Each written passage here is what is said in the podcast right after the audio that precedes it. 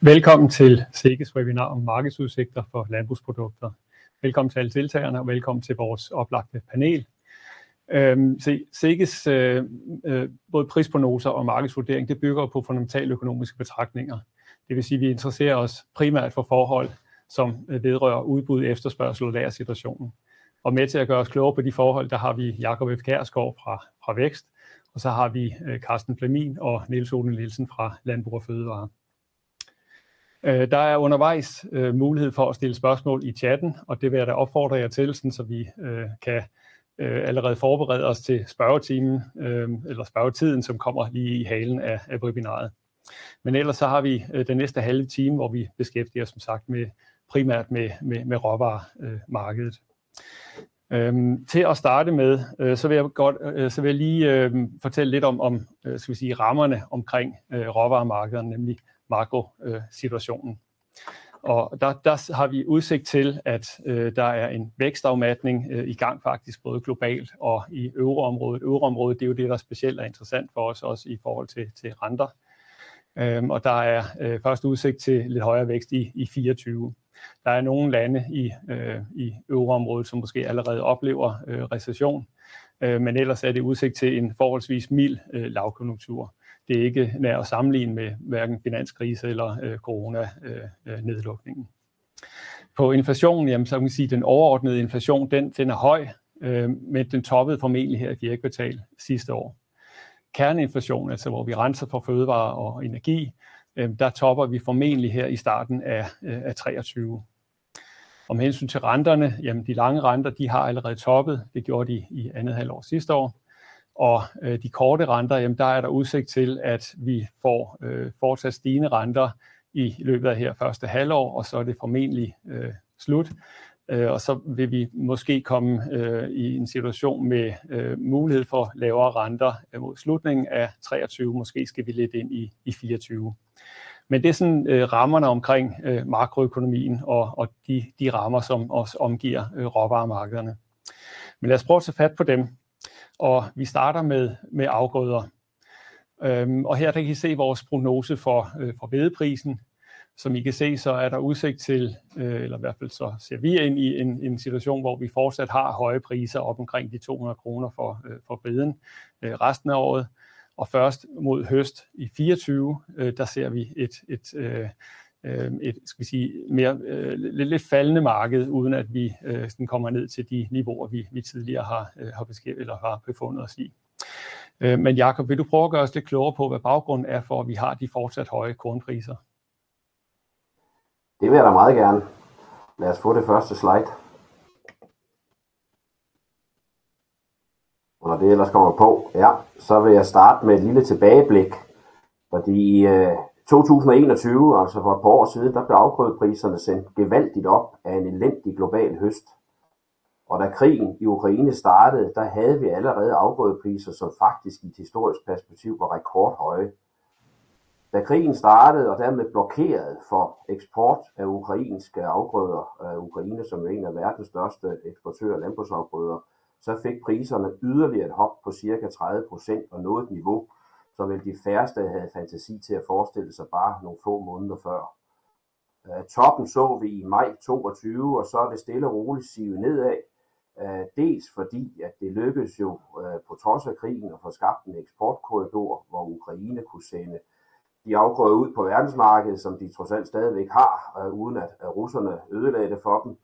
Og nok så vigtigt også, så fik vi faktisk en ganske stor høst globalt set i 2022. Alt i alt noget, der har sendt priserne nedad, men de befinder sig trods alt stadigvæk på et historisk højt niveau.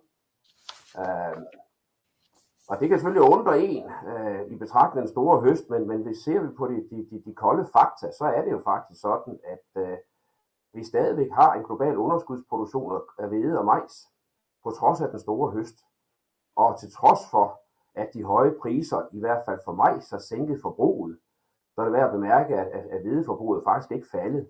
Men når vi lægger alle tallene sammen, så har vi faktisk en underskudsproduktion i 2022 øh, og dermed også et lagertræk. Og det kan jeg øh, tydeliggøre på næste slide, hvor I kan se, hvordan øh, hvedeforsyningen er hos de store eksportnationer. Der var sådan set en, der godt må skifte sliden nu.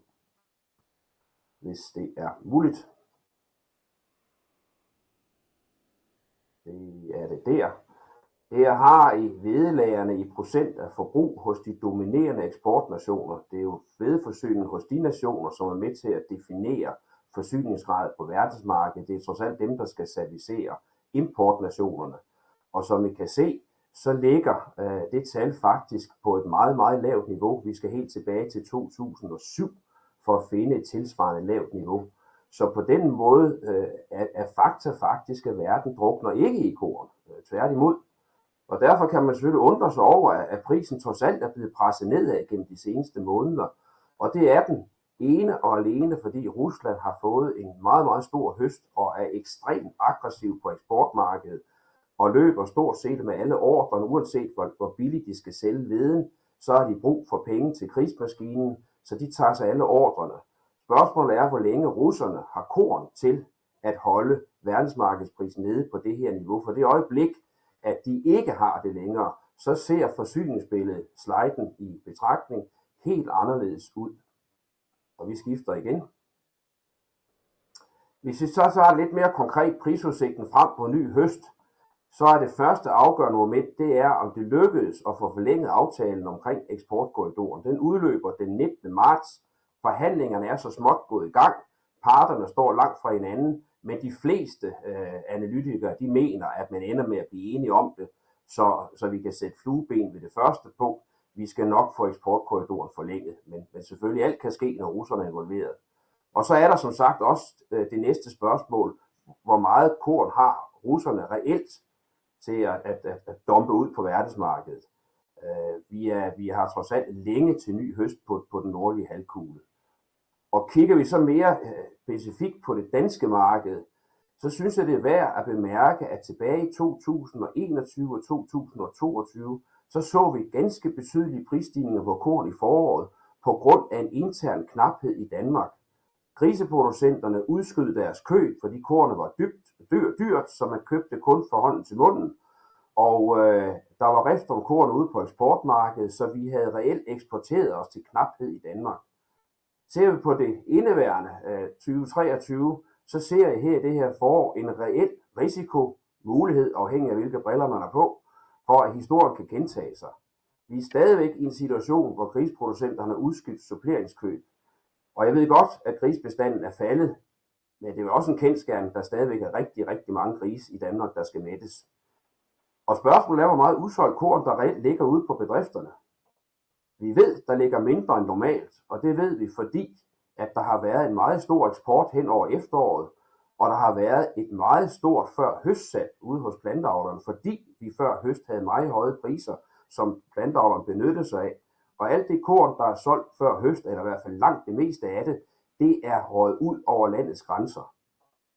Og til at underbygge uh, min nervøsitet, når jeg tager griseproducentens øjne på, uh, briller på, for at vi, vi, vi ser frem mod stigende priser på det danske marked, uh, det er det, vi ser på nuværende tidspunkt, vi allerede nu har en, en, en dansk marked, som er væsentligt stærkere end det internationale.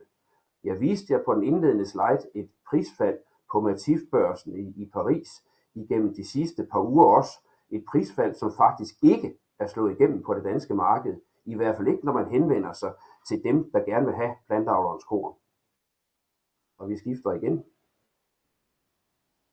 Kigger vi så lidt længere frem og siger 2023 høsten, så er situationen faktisk igen, det er cool facts, at fire ud af de sidste fem år, øh, der har der været en global underskudsproduktion af hvede og majs. Der har altså været et globalt lagertræk. Det betyder også, at overgangslagerne fra 22 til 23, de er faktisk lave, både for hvede og for majs. I 2022, så bliver det situationen reddet, og men vi stadigvæk har høje priser, så har vi fået et fald. Den blev reddet af en kæmpe høst i Rusland, i Kanada og Australien.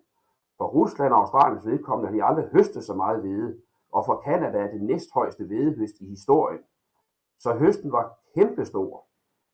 Og spørgsmålet er, om det er realistisk at tro på, at det sker igen. Der er i hvert fald plads til det modsatte scenarie også. Det skal man også holde sig for øje.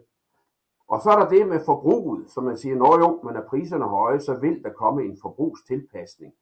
Og kigger vi igen på det globale forbrug, hele verden lagt sammen, så er det faktisk sådan, at kornforbruget er historisk set meget robust. Det er kun to ud af de sidste 23 år, hvor der har været en forbrugsnedgang på hvede fra ene år til det næste, og tre gange for majs. Så det helt typiske er, uanset prisdannelsen, at vi faktisk får en forbrugsstigning. Så det er ikke realistisk i min optik at tro på, at højprismarkedet bliver ødelagt af, at forbruget falder dramatisk. Det er der i hvert fald ikke noget historisk belæg for at sige. Fortsætter eksportkorridoraftalen, det øh, forventer vi, men det er dog stadigvæk noget, man må sætte spørgsmålstegn ved. Og så er der endelig det afgørende, godt nok øh, for Ukraine formentlig mulighed for at fortsat eksportere deres korn, men de kan jo af gode grunde ikke eksportere mere, end de producerer. Og den stakkels nation har jo så en opgave i, at de både skal føre krig og producere korn. Og spørgsmålet er, om man kan satse på begge heste. Og trykker du lige en kamp på knappen, så vi får det næste slide frem, så kan I se her, hvordan Ukraines produktion af hvede og majs var i 2021, herunder også eksporten. Det var før krigen startede. I 2022, det har var under øh, det første krigsår, hvor man trods alt havde fået sået al veden øh, og havde fået købt det meste af gødningen. Men allerede der ser vi et betydeligt produktionsfald og et betydeligt eksportfald. USA kommer først med de officielle estimater for 23 høsten i maj måned, men kigger vi på, hvad Ukraine selv har meldt ud, så forventer de, at hvedeproduktionen og majsproduktionen får en yderligere pil nedad. Vi ved af gode grunde ikke, hvor meget de kan eksportere, men alene det, at produktionen er med pil nedad, betyder jo, at de i hvert fald ikke har lige så meget til eksport. Så det skal man også holde sig for øje, at trods eksportkorridorer, så kan der stadigvæk være et problem med, at Ukraine ikke servicerer verden med lige så meget korn, som man forventer og forventede. det. Så har jeg sat de meget høje gødningspriser i parentes, fordi det er jo det, vi har haft i afskillige mange måneder, og alt andet lige, så vil de også nedsætte produktionspotentialet. Nu er det jo så sådan, at gødningspriserne de er nærmest styrtdykket de sidste halvanden måned, faldet med op til, til 30 procent, og det er ikke kun i Danmark, det er ikke kun i Europa, det er også rundt omkring i verden. Og det betyder jo sådan set, at man skal til at rekalkulere, hvad, hvor det optimale gødningsniveau ligger, der vil også være øh, områder i verden, hvor man pludselig siger, at nu kan det sådan set godt betale sig at dyrke det alligevel, fordi gødningsprisen er faldet. Så derfor synes jeg måske nok, man skal sætte det her i parentes, om end man også skal forholde sig til, at spørgsmålet er, hvor meget gødning der rent faktisk er produceret til de lave priser, for det er jo nu, inden for de næste halvanden måned, det skal bruges. Men, men, men, men den høje gødningspris har nok ikke lige så stor betydning, som den havde for blot halvanden måned siden. Min vurdering er, at det mest sandsynlige er, at højprismarkedet fortsætter, og ved at gå lidt mod strømmen, det gør jeg nok ved at sige, at jeg mener sådan set, at der er potentiale til en pil opad. Og det håber jeg har begrundet med denne her gennemgang. Vi hopper en gang. Til soja, Jacob. Øh, jeg kunne godt tænke mig lige at spørge, fordi der er rigtig mange ting i spil. Hvad er det for, hvad er det for hvis du lige skal nævne måske øh, to-tre øh, ting, hvad er det, vi særligt skal holde øje med her i løbet af i år, som kan påvirke øh, øh, kornmarkedet? Det er tre ting. Vi skal selvfølgelig holde øje med, om øh, eksportkorridoren øh, vedbyggende bliver åben. Så skal vi holde øje med de estimater, der kommer fra Ukraine. Hvor meget formår de rent faktisk at producere, mens de stadigvæk fører krig. Og det tredje, man altid skal holde øje med, det er, hvordan udvikler vejret sig i de store øh, dyrkningsområder. Og det har vi jo set senest i Argentina, hvordan en tørke fuldstændig kan smadre høsten. Omvendt så vi, hvordan en fantastisk vækstsæson i Rusland gav rekordhøst. Så det at følge med i de, den globale vejrudsigt, det er også en parameter. Men, men der er ingen tvivl om, at situationen om Sortehavsregionen er ekstremt afgørende for, hvad der kommer til at ske. Godt, tak. Og til allersidst, sojaen, så det ikke går op i korn det hele, øh, der må vi konstatere, at hvor kornpriserne er faldet, så er det gået præcis den modsatte vej med sojaskoven, som faktisk nu er rekorddyr på det danske marked, presset op af en historisk tørke i Argentina og også en høj dollarkurs. Og kurven, I ser her, det er de opnåelige købspriser for søjerskrå siden 2010. Priser, vi har opsamlet på kornbasen i, i den årrække, og som vi kan se, så handles der i øjeblikket søjerskrå, hvis man øh, skal købe det hele træk, til lige under 500 kroner. Der er gode muligheder for, at vi er ved at se toppen på den udvikling, og der er også gode muligheder, at de kommende måneder, et par måneder vil byde på et fald. For hvor Argentina har haft en elendig vækstsæson, så har Brasilien indtil nu haft en fantastisk vækstsæson og står til en rekordhøst.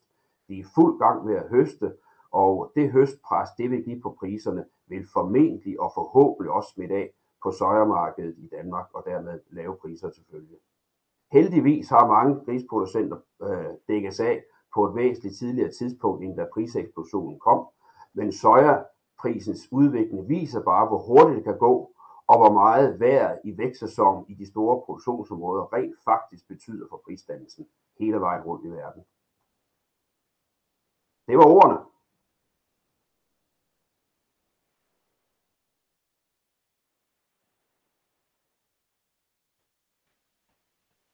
Ja, men øhm, lige indledningsvis, lige indledningsvis, Niels Yes. Øhm, som I kan se på grafen, så forventer vi jo fortsatte fald i, i mælkeprisen.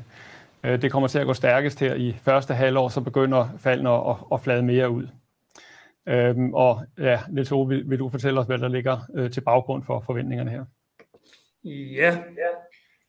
Øhm, altså der er jo ingen tvivl om, at øh, inflationen, som Claus har været inde på, har betydet rigtig meget for øh, mælkeproduktion, mælkeindvejningen det, de, sidste, de sidste par år, egentlig lidt siden den begyndte at, øh, at stige der øh, tilbage i, i øh, midt 21, øh, til den nu er begyndt at, øh, at falde igen nu her.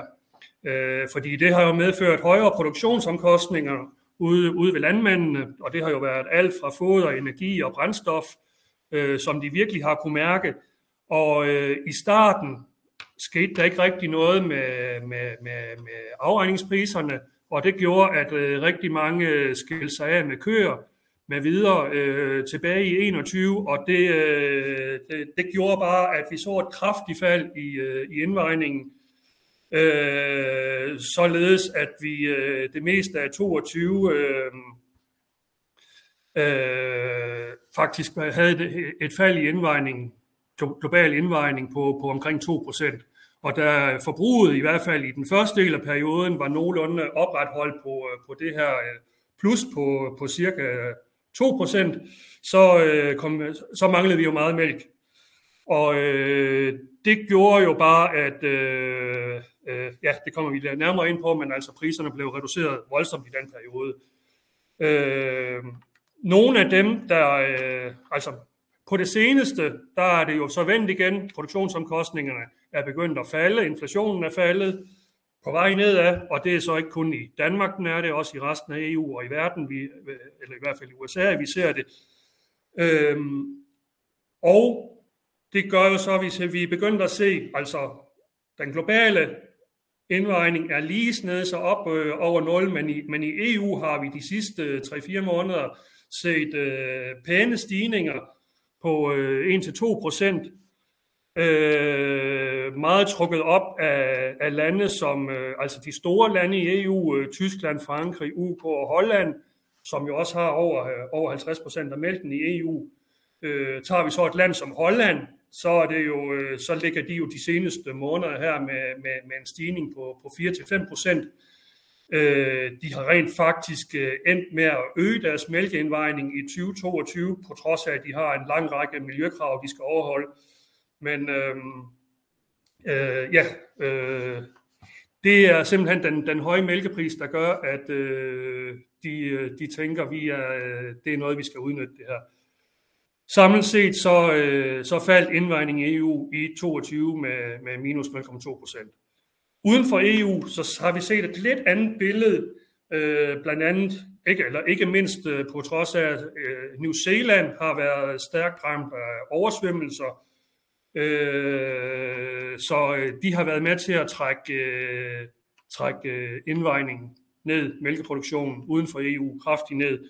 De ender på omkring minus 4 procent i, øh, i 22, men der er lige kommet tal for januar måned, og det viser faktisk en, øh, en stigning igen. Øh, USA er, øh, har, faktisk, øh, har faktisk det sidste halvår vist, øh, vist stigende mælkeproduktion, så øh, der er noget, der tyder på, at vi, øh, vi, ser, øh, vi begynder at se mere mælk ud på markedet. I hvert fald mere mælk i forhold til sidste år. men hvor, hvor, hvor priserne, eller hvor, hvor produktionen jo selvfølgelig var begyndt at falde, men også øh, for blandt andet EU, også for nogle af månederne i forhold til for to år siden. Altså tager vi for eksempel bare november og kigger på det, så øh, ligger novembers øh, produktionstal fra rent faktisk også over øh, produktionen i 2021, og har aldrig været højere i november måned. Øhm, samlet set, for øh, uden for EU ligger vi på øh, minus øh, 1,4 procent, og øh, den totale globale indvejning i 2022 øh, endte med at falde lige knap en procent. Øh, Øh, man må sige, at det har været meget usædvanligt at se de her faldende indvejningstal, på trods af, at vi jo har set øh, prisstigninger siden, øh, siden efteråret 2021. Altså det er jo ikke, øh, det, er jo ikke det, vi normalt ser. Altså der plejer produktionen rimelig hurtigt og, øh, og, øh, og øges igen, og mælkeproduktion, produktion, øh, mælkeproducenterne plejer at udnytte, øh, øh, udnytte de, øh, de, de høje priser, de kan få fra mælken. Men de højere omkostninger, de har haft ved produktionen nu, øh, samtidig med, at øh, alle de... Øh, den nervositet, og, øh, der har været for at putte penge i erhvervet og udvide, har, øh, har gjort, at man har holdt sig, øh, holdt sig væk fra det. Også de stigende renter har selvfølgelig spillet lidt ind her på det seneste, højere byggeomkostninger, og så har vi selvfølgelig også i Danmark lige en CO2-afgift, der ligger og ulmer lidt. Så øh, der, der vil man heller ikke putte alt for mange penge ind i det lige nu, inden man ved, hvad det ender med.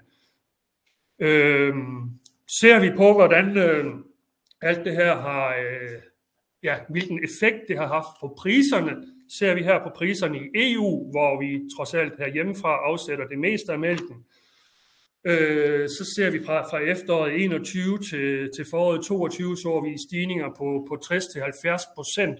Det var helt uhørt, så vi fik rekordhøje priser der i foråret, foråret 22, og, og med stort set uændret forbrug, i hvert fald der i starten af året.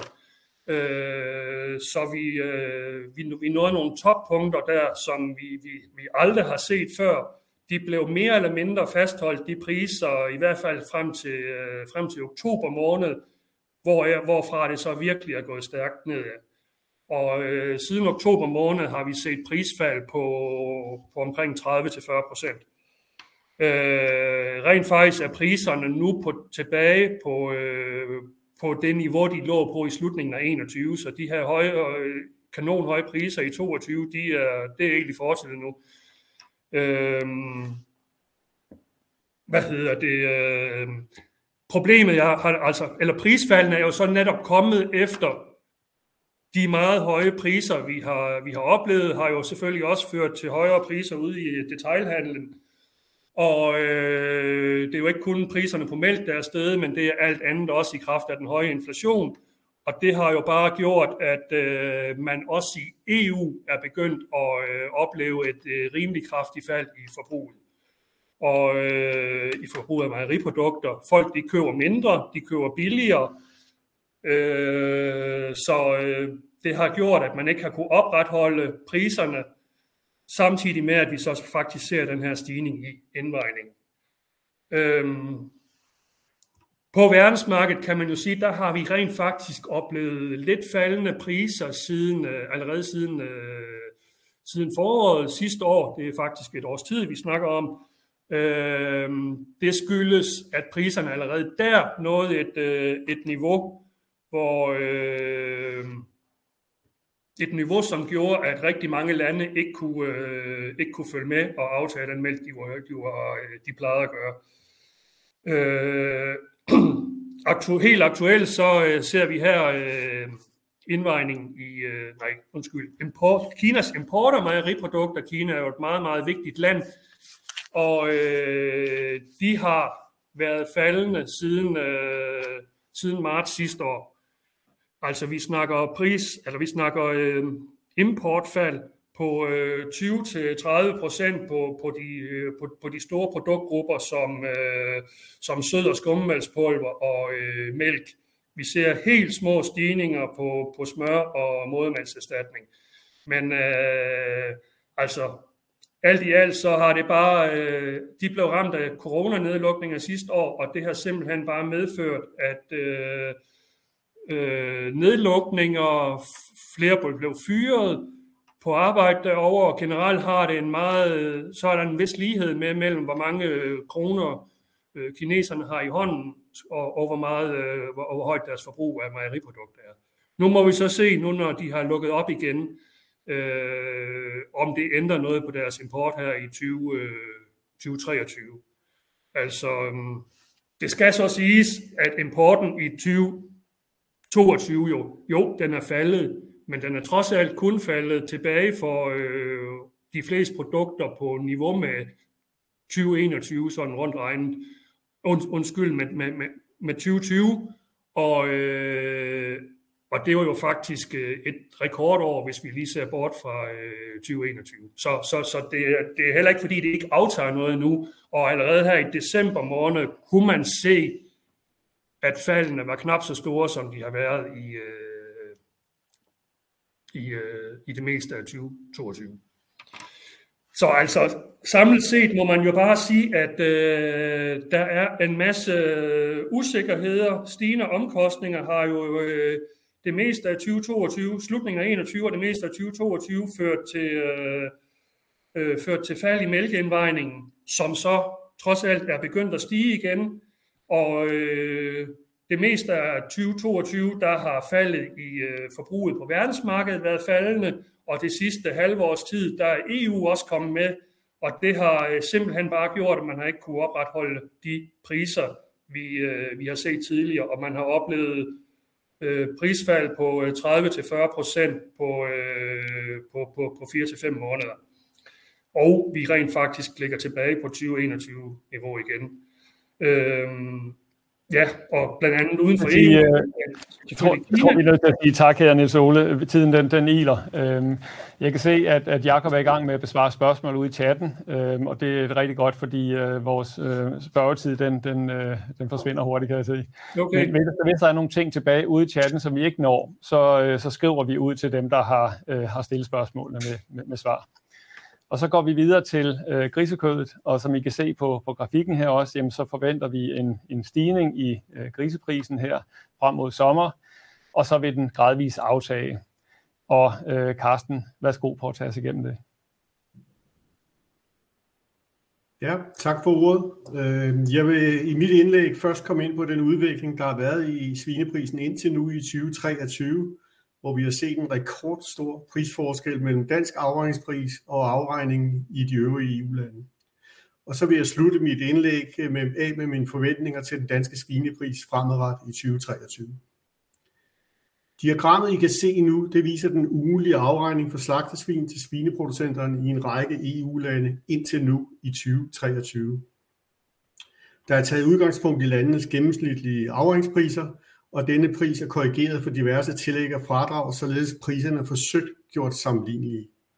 For Danmark betyder det, at den ugenlige afregningspris er korrigeret med, for en forventet restbetaling på en kroner og 30. Når det gælder eksempelvis Tyskland, er den, er den ugentlige tyske afregningspris korrigeret for forkosten på omkring 5 cent til transport, klassificering med mere. Som det fremgår af diagrammet, har den danske svinepris indtil nu i 2023 langt fra været konkurrencedygtig med de øvrige EU-landes svinepriser. Og hvorfor har vi så set den her udvikling i svinepriserne indtil nu i 2023? Hvis vi starter med udviklingen i den danske pris, der er den røde her, så tog den, som man kan se, et dyk i januar måned. Faldet i den danske pris i januar var i høj grad en følge af en kraftig opbremsning i eksporten til de asiatiske markeder. Først og fremmest er eksporten til Kina gået mere eller mindre i stå, når vi ser bort fra biprodukter. Men også eksporten til Japan lider for tiden under ganske store japanske lager af, af grisekød. Lager, som heldigvis reduceres kraftigt i disse måneder. Det betyder, at de danske slagterier fra at have eksporteret mere end halvdelen til tredjelande uden for EU, nu står i en situation, hvor måske kun en tredjedel af eksporten finder afsætning uden for EU. Som følge heraf var der i januar stigende mængder grisekød, der skulle omdirigeres til den europæiske forædlingsindustri. Dette betød øget udbud og svagt faldende priser for kødet til den europæiske forædlingsindustri. Dette samtidig med at også kødet til de asiatiske markeder blev solgt til faldende priser. Her i februar er priserne, der opnås ved salg til den europæiske forædlingsindustri, stigende, og derfor stiger den danske pris nu også, som man kan se på kurven. Hvis vi ser på den tyske pris, så er den steget voldsomt i februar måned. Det er først og fremmest en følge af de faldende slagtninger og kamp om grisene på det tyske marked. Tyske slagterier kæmper om at få slagtegrise til udnyttelse af slagtekapaciteten. Ofte sker det til priser, der betyder perioder med røde tal på slagterierne. En overvejende del af de tyske slagteriers salg af grisekød sker i form af fersk kød til den hjemlige tyske detailhandel. Og her er priserne i februar kommet op i et langt hurtigere tempo end priserne til forædlingsindustrien. Ofte er disse priser til detailhandlen således bundet op på udviklingen i noteringen. Dette gavner den tyske pris i forhold til den danske pris. Og de her forhold gælder ikke kun Tyskland, også i de øvrige europæiske lande har slagterierne en meget stor del af deres salg i form af fersk kød til den hjemlige detailhandel. Kun for dansk grisekød gælder det, at hjemmemarkedet er mindre betydning. Salget af dansk grisekød sker først og fremmest til forædlingsindustrien rundt om i verden. Den kraftigt stigende tyske pris for slagtesvin i kombination med et lille udbud af smågrise er også årsagen til, at vi på det seneste har set en meget stærk efterspørgsel fra blandt andet Tyskland efter smågrise, og som følge heraf en stærk stigende puljenotering for smågrise. Hvad kan vi så forvente den kommende tid, når det gælder svineprisen? Den prikkede røde kurve, I ser på diagrammet, det er mine forventninger til den danske svinepris fremadrettet i 2023. Den danske pris vil her øh, i den nærmeste tid få støtte efterhånden som gamle kontrakter til forædlingsindustrien erstattes med nye kontrakter til et bedre prisniveau. Jeg forventer, at vi i første halvår fortsat vil se slagtning af svin i EU, der ligger markant lavere end året før. Dette bør også styrke svineprisen. Men når det gælder anden halvår, tror jeg, at vi begynder at se mere stabile EU-slagtninger på niveau med året før, og måske også højere end året før. Umiddelbart kan det måske virke noget skuffende, at det først er sidst på foråret og i begyndelsen af sommeren, at jeg forventer at se den danske pris op på noget, der ligner den pris, man allerede nu har i de øvrige europæiske lande. Og måske, det vil jeg gerne sige, er jeg lidt for forsigtig i min prisprognose. Men jeg tror, at vi må indstille os på, at 2023 vil blive et år, hvor den danske svinepris vil have problemer med at være konkurrencedygtig med de øvrige EU-lande. Skal den danske svinepris igen blive konkurrencedygtig med de øvrige lande, kræver det en for alvor markant bedre efterspørgsel fra markederne uden for EU, og det ser jeg ikke foran mig i 2023.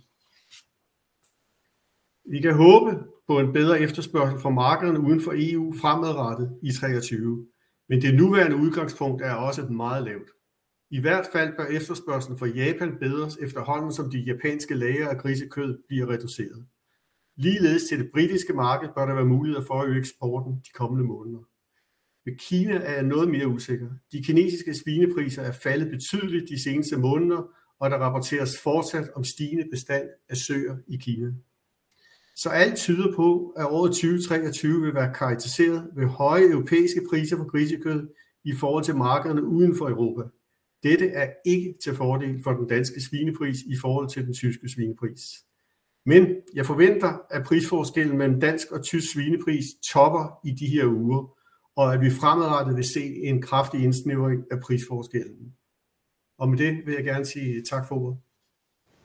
Godt, tak for det, Carsten. Og jeg skal beklage, at vi er kommet lige over klokken 9. Det er mig, der ikke har helt har formået at styre tiden. Øh, men der er besvaret en del af de spørgsmål, øh, som er kommet ind i chatten, og øh, som nævnt, så besvarer vi efterfølgende dem, som I ikke har nået i, i den her omgang. Så jeg vil gerne sige tak til deltagerne, tak til vores kyndige panel, og så må I have en fortsat god dag.